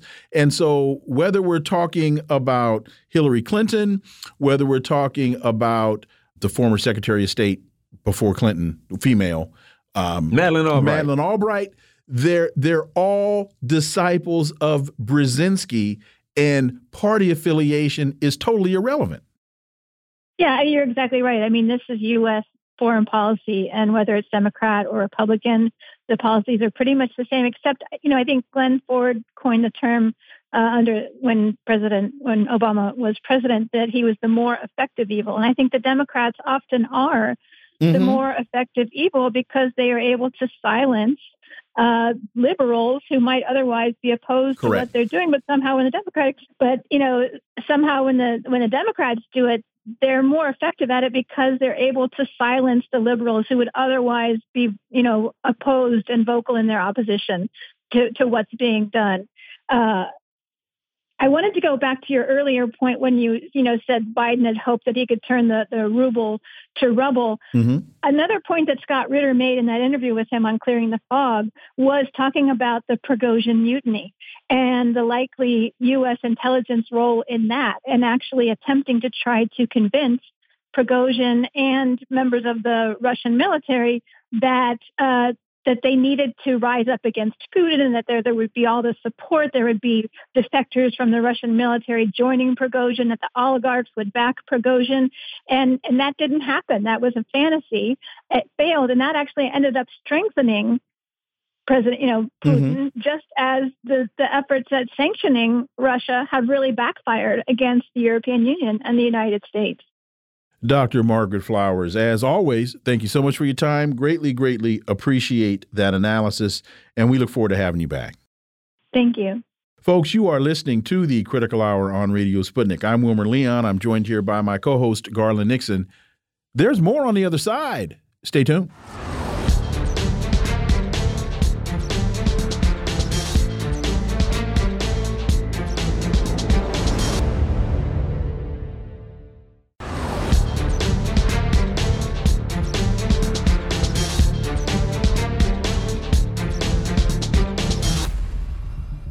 We are back, and you're listening to the Critical Hour on Radio Sputnik. I'm Wilmer Leon, joined here by my co host, Garland Nixon. Thank you, Wilmer. Biden's exclusionary liberal world order. The rules of post war Western economic development were premised on Washington's domination and hierarchy, writes Anthony Pahnke. This is the history the U.S. president's industrial policies repeat. For insight into this, let's turn to our next guest. He's an associate professor of economics at the University of Missouri, Kansas City, former president of the National Economics Association, Dr. Linwood Tauheed. As always, sir, welcome back. Thank you. So the piece continues pundits are struggling to comprehend Biden's industrial policy, whether it's the extensive subsidies for American firms to engage in renewable energy production in the Inflation Reduction Act, or the combination of export controls and support for companies in the US and Europe to make semiconductors, fears about that the rules based multilateral global world order is in its dearth throes as the U.S. has made excluding China principal among its economic policy objectives. Your thoughts, Dr. Tauheed, and as all of how does all of this tie into? I know that you spent extensive time studying in in your years in school Bidenomics. yes, yes, Bidenomics has been certainly a major a major uh, uh, subject area. and in this case, major subject area because it is so perplexing, um, it is so self contradictory. Uh, the idea that you are going to um, uh, that that the U.S. is is continuing to want to um, uh, to be the the single uh, hegemon in the world, while China is is a rising power, would make sense except for the extensive trade agreements between uh, Chinese and American and other international companies. Uh, those those trade agreements are are in contradiction to the Biden um, policy that's going forward in terms of trying to isolate China uh, in order to stop its growth. Uh, since since 2000, the the, the mean uh, uh, median household income in China has grown by 700% mm. since 1920. Uh, excuse me, since 2020. Okay. Since 2020, the U.S. median household income has grown by 7%. Mm. So the Chinese income has grown by 100 times what the, the U.S. income.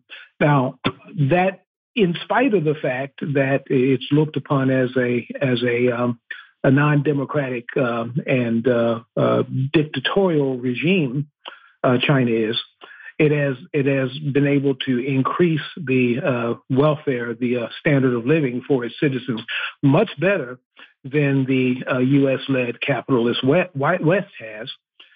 And and so and, and and it's done so. China's done so because of its trading relationships with the West.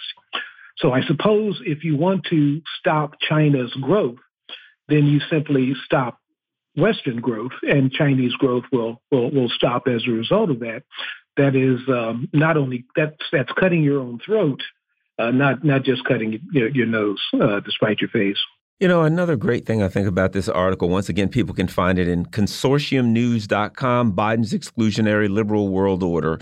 And they say Biden, but they could really, it's the U.S. And they talk about the IMF, the World Bank, et cetera. And the rhetoric was they were going to make things better for everybody. They were going to create a world where people could grow, blah, blah, blah, blah, blah. And instead, what they did was exploited and impoverished, eh, let's be honest, the countries with people of color around the world, exploited them stole their resources, and then left them in debt servitude for all eternity. And now, oddly enough, the U.S. is saying, well, don't do business with China. They're going to make debt slaves out of you. But the people in those countries have experienced the truth, they have the context of an experienced reality. Your thoughts? Yes, uh, that that uh, rest of the world, other than um, um, U.S. and and Europe, is actually the majority of the world. Seventy-five percent of the world's population is is in that category uh, outside of, of U.S. and and and, and uh, Europe, and that 75% uh, of the world represents the majority of the world's gross domestic product in production. Now, that increase uh, in um, rest of the world or the majority of the world um, production has been mainly because of the increase in production and increase in gross domestic product in China. China has led the way.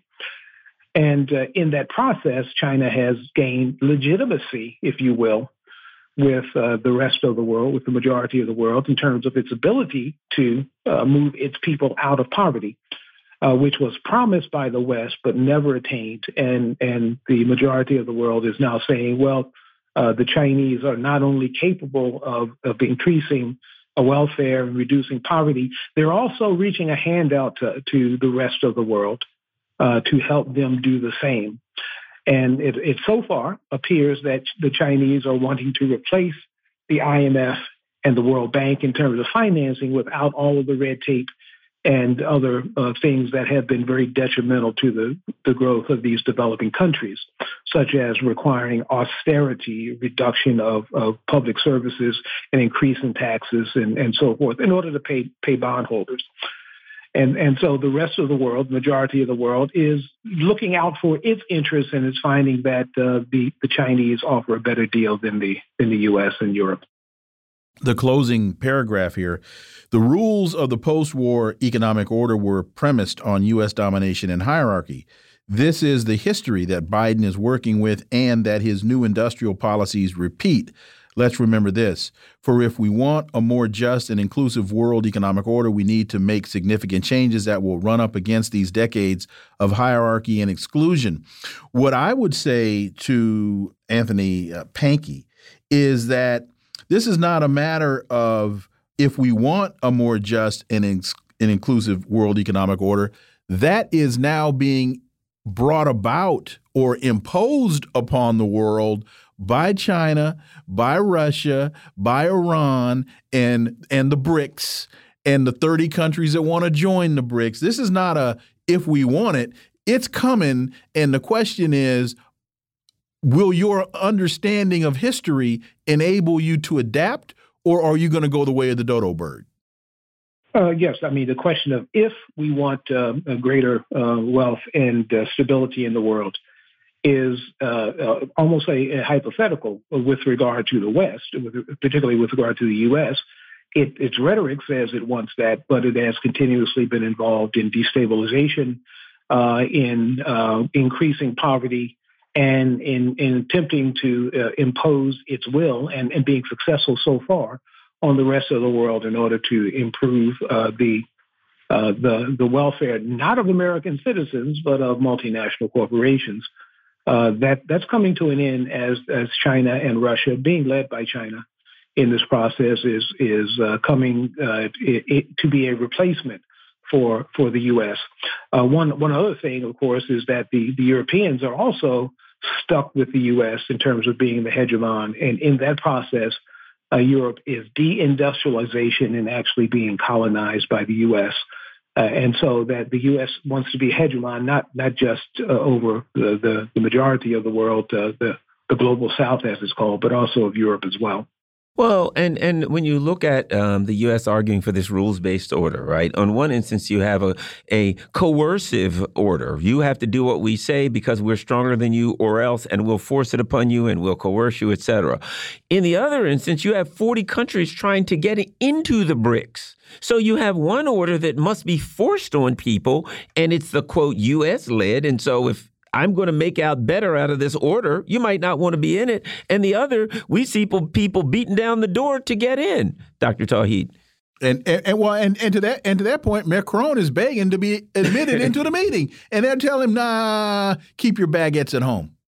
Yes, uh, the Europeans are, are, not quite welcome yet. Now, maybe in, a, in, a, few years, when they are uh, thoroughly impoverished in their relationship with the U.S., uh, they can join the, the, majority of the world, but but not but not quite yet.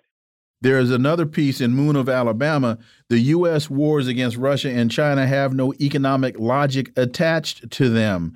And that's something we've been scratching our head and asking you about. Man, what in the world are they doing and why are they doing this? Because China holds our debt. We're going broke trying to fight them along with Russia. And this makes absolutely no sense. Well, even even from a, a mainstream economic uh, understanding, uh, the U.S. as the uh, as the hegemon with the with the the um, uh, majority currency, with the dominating currency in the world, the dollar, uh, should have problems uh, maintaining its domestic economy while also trying to control the international economy. It should, and it is uh, having that difficulty. And so the, the interests of U.S. corporations or transnational corporations would sub- supersede that. Uh, that is, um, uh, we will, um, uh, the U.S. corporations want to extract as much as they can from the U.S. working population and from the rest of the world. That's the consistency. Uh, in, in the, the, the, the policy of the, of the U.S. government, though, uh, is is politics, and it has to uh, it, to at least pretend that it's interested in the welfare of its citizens. And this this goes beyond the Biden administration. This is Trump administration, um, um uh, Obama administration. It, it, it certainly goes back for a long for a long way in terms of uh, multinational corporations and and financial capitalism running the show and not caring what happens to domestic populations or international populations. And so the U.S. is running into this contradiction in terms of wanting to have uh, better, greater welfare for its, its, its own citizens, while at the same time, time impoverishing the rest of the world, which actually decreases the ability of the welfare of, of U.S. citizens as well. And um, uh, uh, uh the other thing is, um, you know, there's no economic logic to it. And it appears to me because it's ideological. This is not about economics. It's almost like a religion. It kind of reminds me of the Crusades where they say our culture, everything we have is morally superior to everyone else. And therefore we must export that to everyone, you know, at the barrel of a gun or the tip of a sword. So it seems it's so ideological, it doesn't need an economic logic. Dr. Tauheed. I think you're you're absolutely correct. there's the economic logic uh, of financial capitalism is simply to extract as much from anyone that's um, that's vulnerable.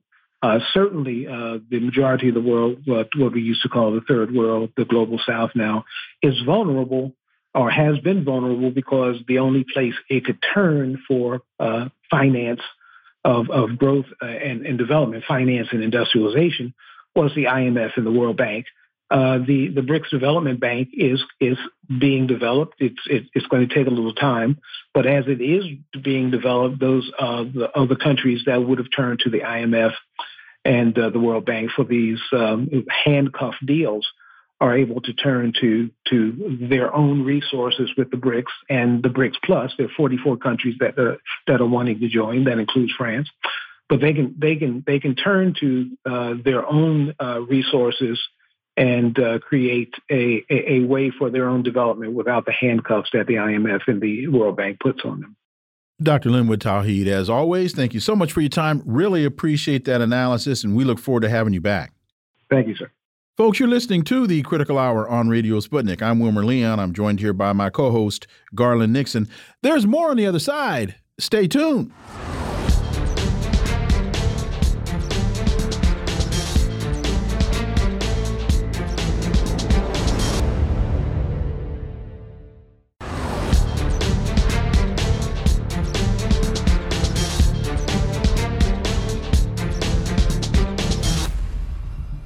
We are back, and you're listening to the Critical Hour on Radio Sputnik. I'm Wilmer Leon, joined here by my co host, Garland Nixon. Thank you, Wilmer. There's a great piece in Truth Out entitled Donald Trump May Face Four Indictments by Election Day. Here's the breakdown. A federal indictment stemming from the January 6th attacks on the U.S. Capitol is expected this week. For insight into this, let's turn to our next guest. She's a professor emerita at Thomas Jefferson School of Law, former president of the National Lawyers Guild and a member of the National Advisory Boards of Assange Defense and Veterans for Peace and the Bureau of the International Association of Democratic Lawyers. And she's the author of this piece, Professor Marjorie Cohn.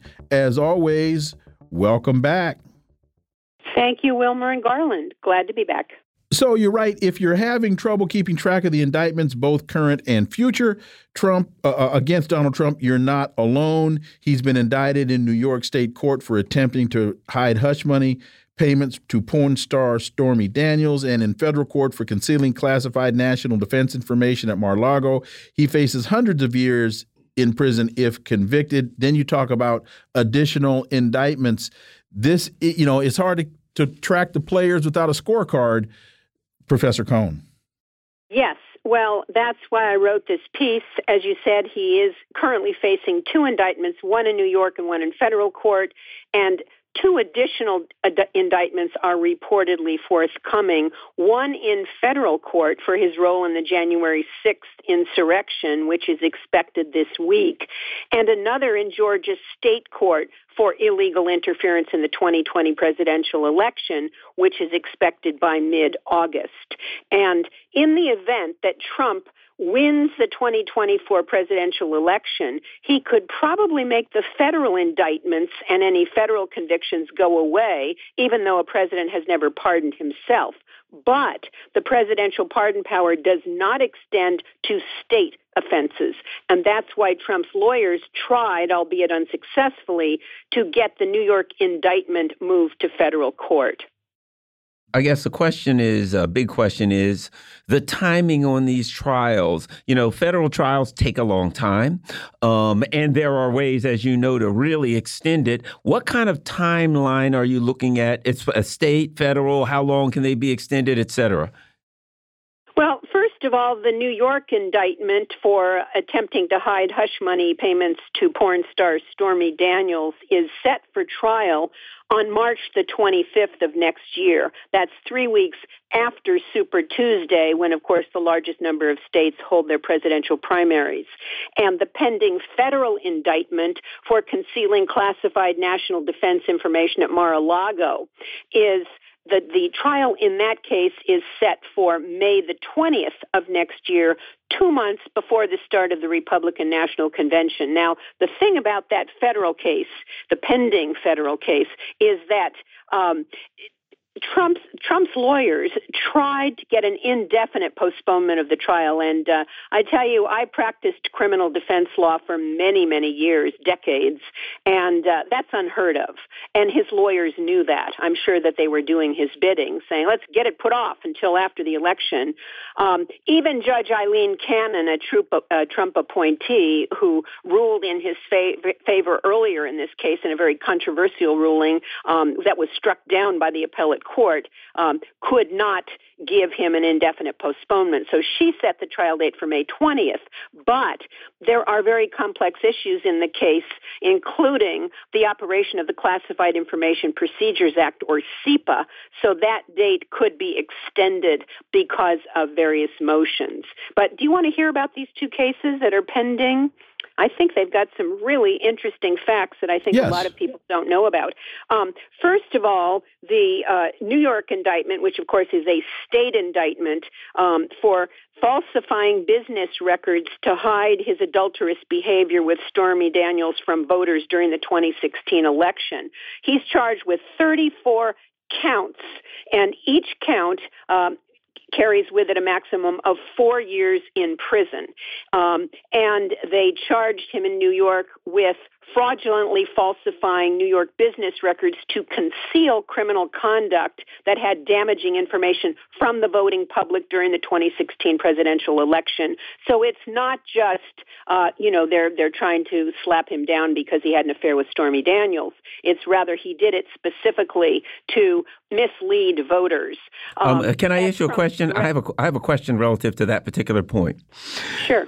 Do they have to show, for instance, if he says, okay, yes, I gave her the money or whatever, but his lawyer said, yeah, you know, he didn't want his wife to fall. It would have been embarrassing. He didn't want his kids to find out or whatever. Do they have to specifically show that he did it only for the purpose of political you know a, yeah political game blah blah blah or can it be okay yeah yes but also this how does that work the specificity oh, of, that's going to be his defense. He didn't want his wife to find out, but the statute says that he he must have done it for the not the only purpose, but the principal purpose of influencing the election. And it wasn't just Stormy Daniels that Michael Cohen helped him hide payments to. Um, also, the um, AMI, which owns the National Enquirer, paid former Playboy, mo- Playboy model Karen McDougal $150,000, and AMI was involved in a catch and kill operation where it bought exclusive rights to the McDougal story with no plans to actually publish it. Actually, they wanted to suppress it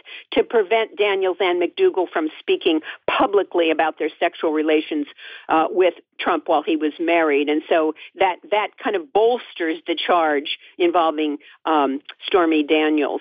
And then the other case that is pending um, is a federal indictment brought by special counsel Jack Smith, who was appointed by Attorney General Merrick Garland on behalf of the Defense Department. And in this indictment, Trump is charged with 37 counts of withholding, concealing, and mishandling classified documents that contain national defense information. 31 of those counts um, are under the Espionage Act, and each count carries a maximum of 10 years in prison. Now, I'm very critical of the Espionage Act, particularly as it's been used against whistleblowers and Julian Assange. Um, and I think, you know, we would not be any worse off to get rid of the Espionage Act. But if there's ever a case that the Espionage Act Act was made for, it was this case. Let me just read you a very short thing from the indictment. The classified documents Trump stored in his boxes included information regarding defense and weapons capabilities of both the United States and foreign countries, United States nuclear programs, potential vulnerabilities of the United States and its allies to military attack, and plans for possible retaliation in response to a foreign attack. And that could put at risk the national security of the United States, foreign relations, the safety of the U.S. military, and human sources, and the continued viability of sensitive intelligence collection methods. In addition, the indictment says after Trump was no longer president, he was at Mar a Lago and he showed a writer, a publisher, and two of his staff who did not have security clearances some of these documents.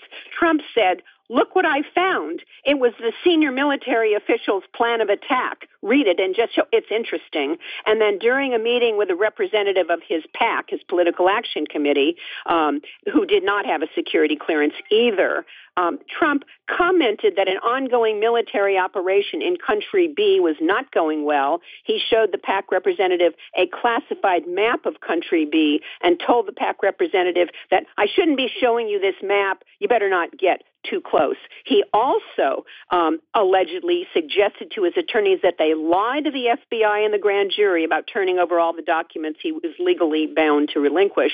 And he directed his longtime aide, Walt Nauta, who's charged in some of these counts, um, to move several boxes to conceal them from Trump's attorney, the FBI, and the grand jury.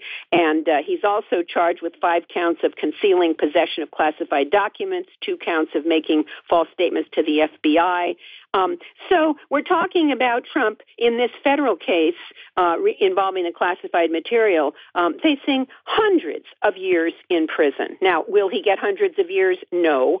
Um, will he even be convicted? We'll wait and see. Well, in fact, that was my next question. As you write in your piece, he faces hundreds of years in prison if convicted. And we know historically Americans have been able to separate the president from the presidency, and that Americans hold the office of the president in very high reverence, no matter who the individual is sitting in the chair in the Oval Office.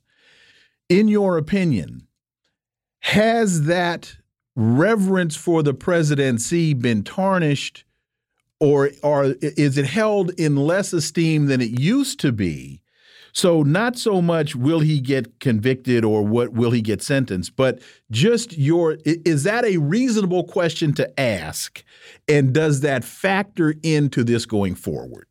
Well, I think it is a reasonable question to ask, and um, of course, it's too early to predict how indictments and possible sure. convictions might affect the presidential election. Um, it looks like his popularity did appear to rise after the first two indictments, but as of July 23rd, 538 reported that his favorability ratings have gone down, um, that 58% of Americans regard Trump unfavor- unfavorably. Only 39% view him favorably, and that's his his loyal mm-hmm. uh, mass mm-hmm. mass you know his his uh, loyal followers, some of whom may peel off as he his uh, criminal troubles mount. But particularly this uh, indictment that's coming this week is going to focus on election fraud and the January 6th uh, insurrection. The Department of Justice served Trump with what's called a target letter, mm-hmm. which means basically that crime that charges are coming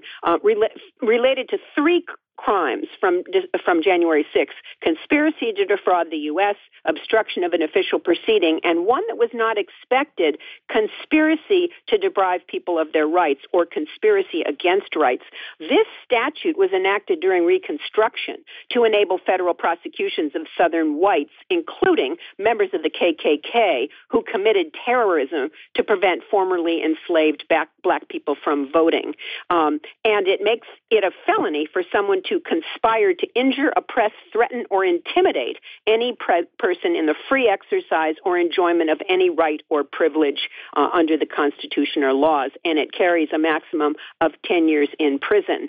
And the victims uh, under this charge could be um, voters who voted in the states where Trump and his allies tried to submit false uh, electoral slates, all voters who cast ballots for Biden or even everyone who voted in the election. So mm. that's very significant.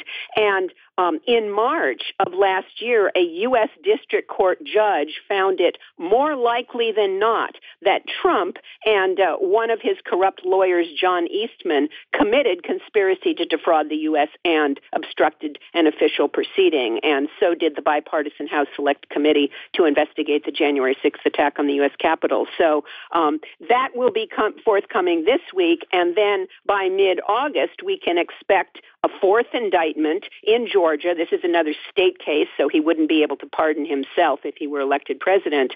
Um, and this this investigation was launched days after a recording of a phone call from Trump to Georgia Secretary of State Brad mm-hmm. Raffensperger, where Trump urged Raffensperger to just find enough votes to overturn Biden's okay. victory. And uh, and uh, you know this was quite outrageous.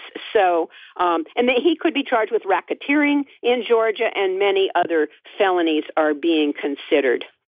I would expect that they'll charge him with everything but uh, mopery on the high seas. I expect unlimited charges to come against Donald Trump from now until the, um, to be quite frank, until the election. I don't think they're going to start charge, stop charging him until they think they got him out. You know what? Nobody's more deserving of being charged with crimes than that criminal Donald Trump. And I don't know if you've been following the Biden team lately, but they ain't, they ain't looking like the, the cleanest no group on earth. Guys, we, no comparison. I agree. Professor Marjorie Cohn, and they might charge him also with uh, kidnapping the Lindbergh baby and killing. Maybe so. Maybe so. Yes. Uh, Marjorie Cohn, thank you so much. We always appreciate it. Thanks for the uh, analysis, and we look forward to having you back. Thanks. Take care. Bye bye. Folks, you've been listening to the Critical Hour here on Radio Sputnik. Thank you for allowing our voices into your space on behalf of myself and my co host, Garland Nixon. We hope you were informed and enlightened, and we look forward to talking with you all right here tomorrow on Radio Sputnik. Be safe. Peace and blessings. We're out.